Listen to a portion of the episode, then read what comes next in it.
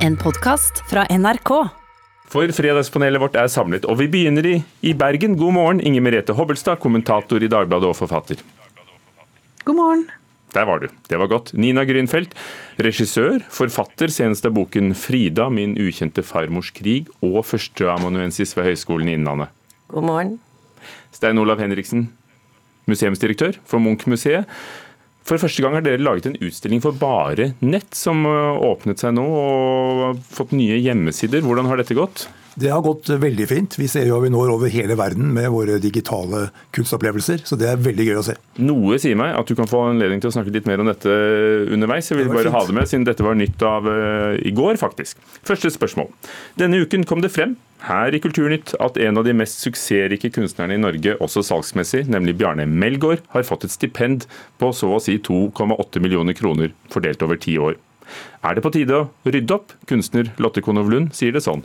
Der er jo et, en, en mye større diskusjon enn å si at den og den gjorde feil i å søke, eller den og den gjorde stipendkomiteen feil ved å gi. Jeg syns det er viktig å diskutere systemet. Både hvordan kunstnere vurderer kvalitet, og hvordan man fordeler. Men mange kunstnere har jo reagert, da. Og bør kunstnere som selger godt, la være å søke stipend, Inger Merete Hobbelstad? Nei. Nina Grünfeldt? Ja, men det er ikke feil å gi dem stipend. Stein Olav Henriksen? Nei. Ja, nei, altså jeg tenker at dette dette strider jo litt mot vår norske rettferdighetsånd og alt dette som vi liker å assosiere oss med generelt, også innenfor kunstverdenen. Ehm, Når Bjarne Melgaard søker, så lurer jeg jo på, gjør han det fordi han faktisk trenger pengene? Eh, Kanskje er han ikke så rik som vi tror.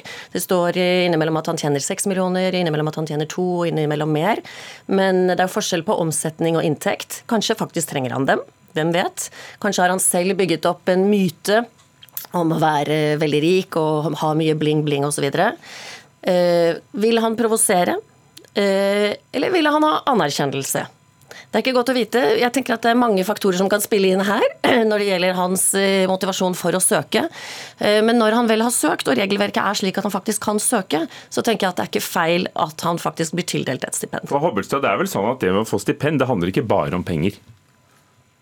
Eh, nei, og da, altså, det handler om anerkjennelse, selvfølgelig. altså sånn at er, Man ser på dette som et eh, vesentlig kunstnerskap.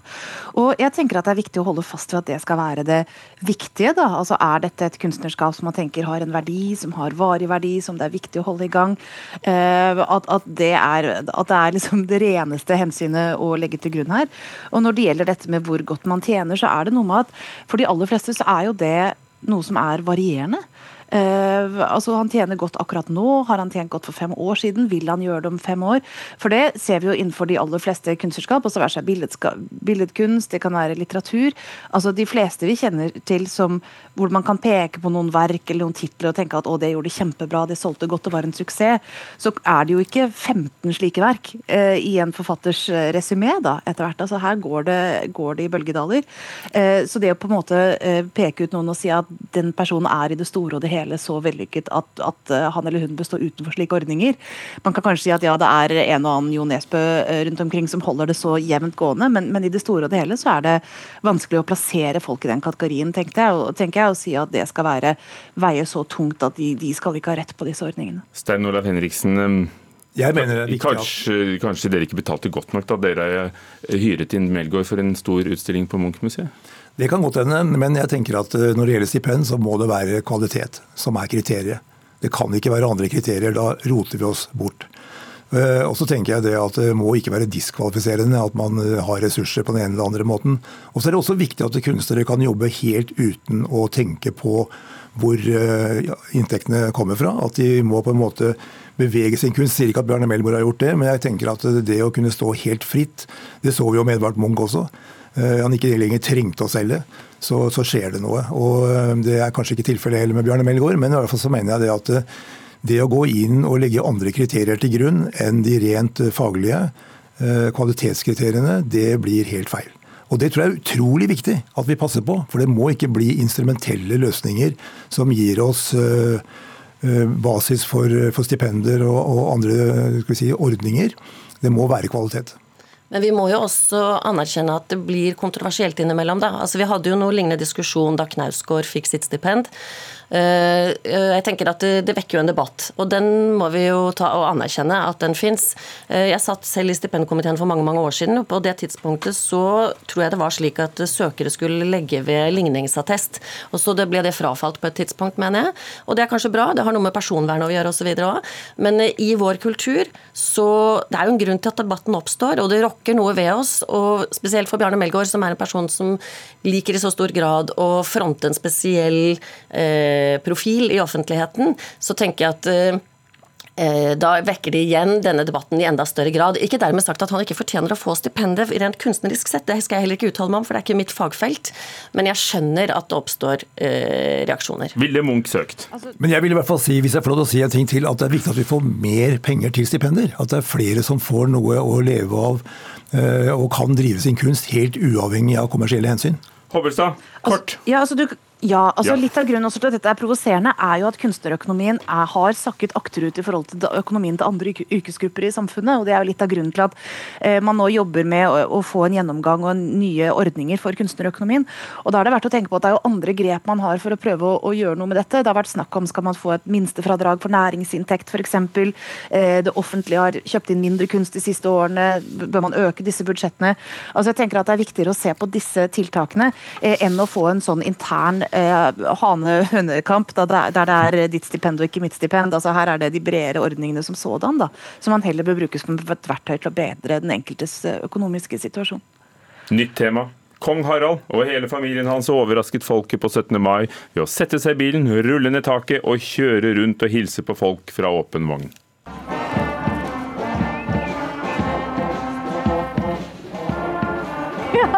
Vi syns det var veldig ålreit. Ja. Og vi har faktisk snakka om det, at det som var aller mest trist med koronatida, var jo det at vi ikke fikk sett de på Slottet.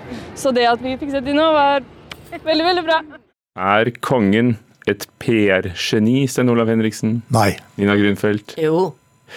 Inger Merete Abelstad? Nei. Nei, men det var jo altså Var det ikke ganske genialt, da? Jo. Eh, altså, det var veldig hyggelig. Det var det jo. Altså, jeg syns jo det var en fin idé at de eh, satte seg i denne bilen og kjørte rundt og, og hilste på folk.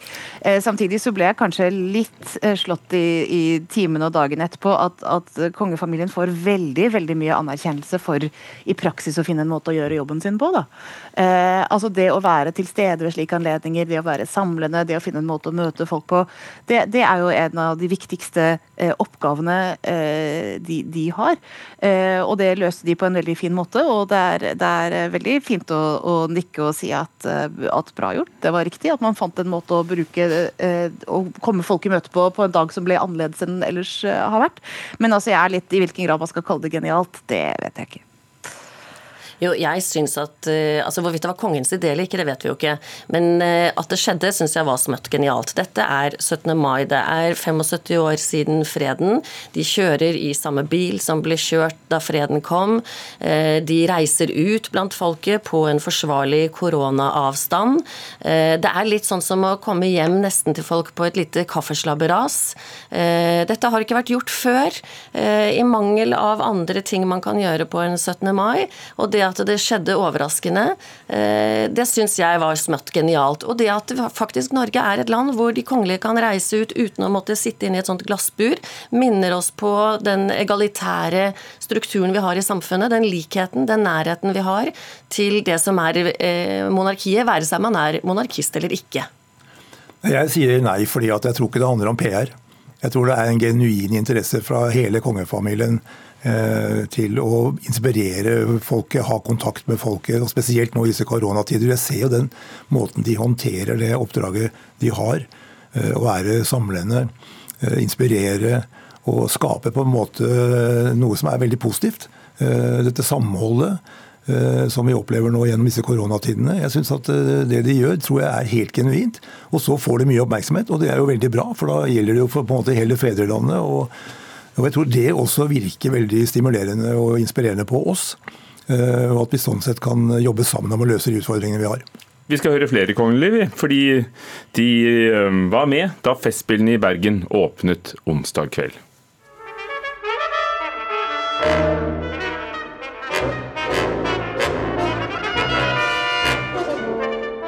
Kjære Festspillpublikum.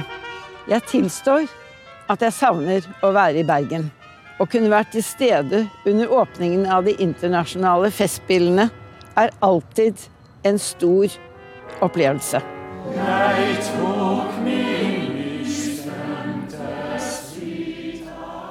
Det var dronning Sonja, det. Åpnet onsdag kveld, men uh, mye er på TV. 60 konserter, forestillinger, opptredener, utstillinger foregår digitalt for alle og skal ligge der i mange uker. Og i Bergen skal musikerne henge fra trær og spille, for da slipper de å puste og hoste på folk, og sånn kan vi få levende konserter. Men nettopp fordi Festspillene blir tvunget til alt dette, er det vi ser i år? Fremtidenes festspill, Inger Merete Hobbelstad, i nettopp Bergen? Nei. Nei, dessverre. Ja. Jeg mener det at eh, vi kommer til å se en helt annen type digital aktivitet framover.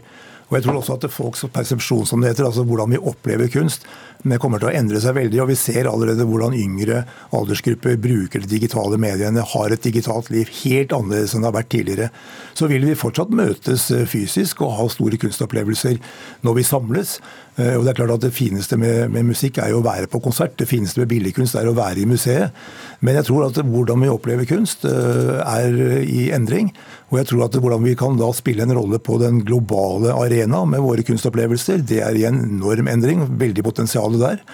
Og så er jeg sikker på at Festspillene kommer til å være i enda større grad digitale framover enn det de har vært før.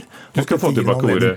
Du skal få tilbake ordet, Henriksen. Men Hobbelstad, tror du ikke det at vi etter, etter, det som har vært nå, da, selv om det er noe annet å sitte der og høre en konsert, vil nærmest forlange at ja, også hvis du sitter i Harstad eller Oslo, eller for den saks skyld London, så skal du kunne være med på noe av dette? Eh, altså jeg tror jo det er eh, stimulerende på mange måter, den situasjonen som har oppstått nå. At man ser etter andre muligheter og finner noe som faktisk kan være inspirerende. Både når det gjelder å, for den som formidler kunst og den som sitter i den andre enden og, og, mottar det. Så at det digitale er der som en mulighet, og at, man, at det blir, den delen av det nå blir mer innarbeidet. altså Det tror jeg på en måte er av det positive. Og jeg syns jo mye av det som skjer under, under Festspillene nå, er, er, kreativt og gøy. altså En ting er at de henger fra trærne, men de skal jo spille teater fra balkongene her. og Man har vært veldig kreativ når, når verden kommer og legger slike begrensninger på en. da. Men jeg tror på en måte at det er noe så eh, slitesterkt og innarbeidet og, og, fint ved den på en måte vanlige fysiske måten å, å eh, ta imot kunst og kultur på. Og du kan si Bergen òg, jeg gråter jo litt for Bergen, at dette skulle, skulle, skje dem. fordi nå var det, i går var det bare en nydelig dag. Det var, det var sol, det var klart, det var eh, deilig sånn sommertemperatur. Rododendron bare sprutet ut. Og det var jo nå folk skulle vært her, deltatt, ikke sant? gått på konserter på museer, gått etterpå, tatt et glass, snakket om det, sittet og tatt imot kunst og kultur sammen, sammen med andre. Og jeg tror på en måte at det er noe såpass særeget ved den den måten da, å oppleve ting på, altså det, den sosiale opplevelsen av det, den utelivsdimensjonen av det, eh, hele hele opplevelsen. Da, at det er vanskelig å se for seg at det ikke vil være det man søker til og ønsker seg uh, i hovedsak. Jeg hører du blir opprømt bare av å tenke på det, Nina Grünfeldt. nei, altså jeg sa nei, dessverre, fordi jeg tror at uh, Merete har et uh, poeng. At folk vil være analoge og vil være sammen. Men når jeg sier dessverre og nei, så er det jo fordi at jeg tror at dette her er jo, som vi snakket om tidligere, kulturøkonomi. Man må jo kjøpe ut rettigheter på en helt annen måte. Jeg er usikker på om økonomien holder for å kunne gjennomføre på den måten. Men samtidig så ønsker jeg jo at det skal kunne fortsette, fordi det er jo ikke alle som har muligheten til å reise til Bergen. Enten har man ikke tid, man har ikke råd, det kan være diverse uh, slike muligheter. Og det man jo blir minnet om nå, er jo hvilket samfunnsansvar som ikke alltid blir like godt ivaretatt i andre kunst- og kulturinstitusjoner, når man nå får alt på nett. Dans, f.eks. Jeg savner jo å se dans også litt mer i dette huset her. Ja, jeg synes Det er kjempefint at eh, Festspillene i Bergen har snudd seg rundt og faktisk gjør dette. Det er jo helt eh, strålende.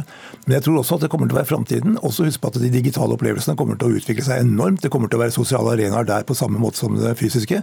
Men jeg tror ikke det fysiske forsvinner. Absolutt ikke. Vi skal møte hverandre. Men det digitale blir mye viktigere. Du har merket det, du? Hvor mange, hvor mange har sett på fra utlandet? Altså, Vi hadde bare én utstilling, eh, omvisning. 4,3 millioner mennesker var med på den. Like mange som har vært på Munch-museet siden vi åpnet i 1963. Så du kan si at her når vi hele verden. Vi når enormt mange mennesker. Og dette er bare begynnelsen. Men så var det betalinga, da. Takk skal dere ha, det får vi se på. Stein Olav Henriksen, direktør på Munch-museet. Nina Grünfeldt, forfatter og regissør. Og Inger Merete Hobbelstad, kommentator og forfatter.